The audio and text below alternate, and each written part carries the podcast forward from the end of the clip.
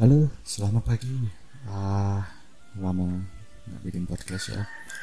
Ini episode ketiga hari Senin 11 Mei 2020 pukul 5 pagi ya. Nah, di podcast kali ini saya mau sedikit cerita tentang Albert Einstein. Yang di mana kalian sudah pasti tahu kan uh, siapa dia. Fisikawan jenius menemu teori relativitas namun di balik kejeniusannya ada fakta menarik ya, mengenai kehidupan Albert Einstein di balik penemuan-penemuannya itu. Ingin tahu cerita singkatnya? Simak baik-baik ya.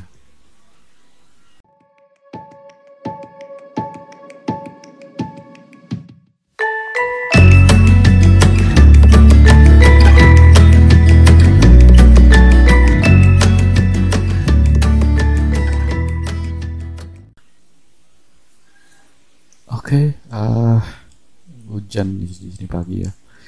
Jadi balik lagi kita ke Albert Einstein. Albert Einstein dikenal sebagai bapak fisikawan modern ya saat itu dengan teori relativitasnya yang terkenal. Nah, selain kejeniusannya, Albert Einstein juga dikenal sebagai tokoh Yahudi yang dikejar-kejar Nazi. Jadi Albert Einstein adalah orang Yahudi ya kawan.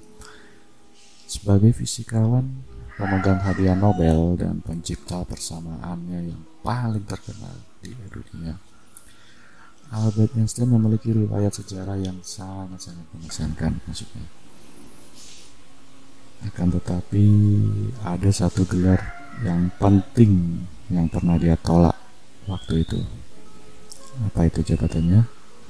Ya, Albert Einstein ditawari sebagai presiden Israel. Keren juga ya waktu itu ya. Jadi presiden pertama Israel, Chaim Weizmann, mengatakan bahwa Einstein adalah orang Yahudi terbesar yang masih hidup. Jadi setelah kematian Weizmann pada tanggal 9 November 1952 hanya satu penerus yang tampak cocok secara alami. Ya, siapa lagi kalau bukan Albert Einstein. Dengan demikian, kedutaan besar Israel mengirim surat ke Einstein pada tanggal 17 November ya. Waktu itu yang secara resmi menawarkan dia menjadi presiden Israel.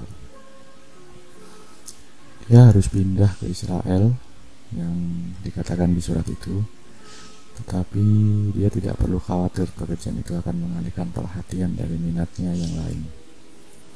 Bagaimanapun itu, itu hanyalah kepresidenan. Dan menariknya, waktu itu Einstein menolak tawarannya. Bersikeras bahwa dia tidak memenuhi syarat, meski Einstein identik dengan kata genius. Dia juga menyebutkan usia sudah tua kurang pengalaman, dan kurangnya keterampilan Einstein sebagai alasan mengapa dia tidak akan menjadi pilihan yang baik untuk menjadi presiden Israel. Einstein bilang sepanjang hidupnya dia telah berurusan dengan hal-hal objektif karena saat itu Einstein tidak memiliki bakat alami dan pengalaman untuk berurusan dengan orang-orang dengan benar dan untuk menjalankan fungsinya. Itu tulisan resmi dari surat Albert Einstein. Ya, siapa tahu ya nasib seseorang kalau dia sudah dipercaya dengan orang, namun ya mereka menolaknya. Tapi ya itulah Einstein.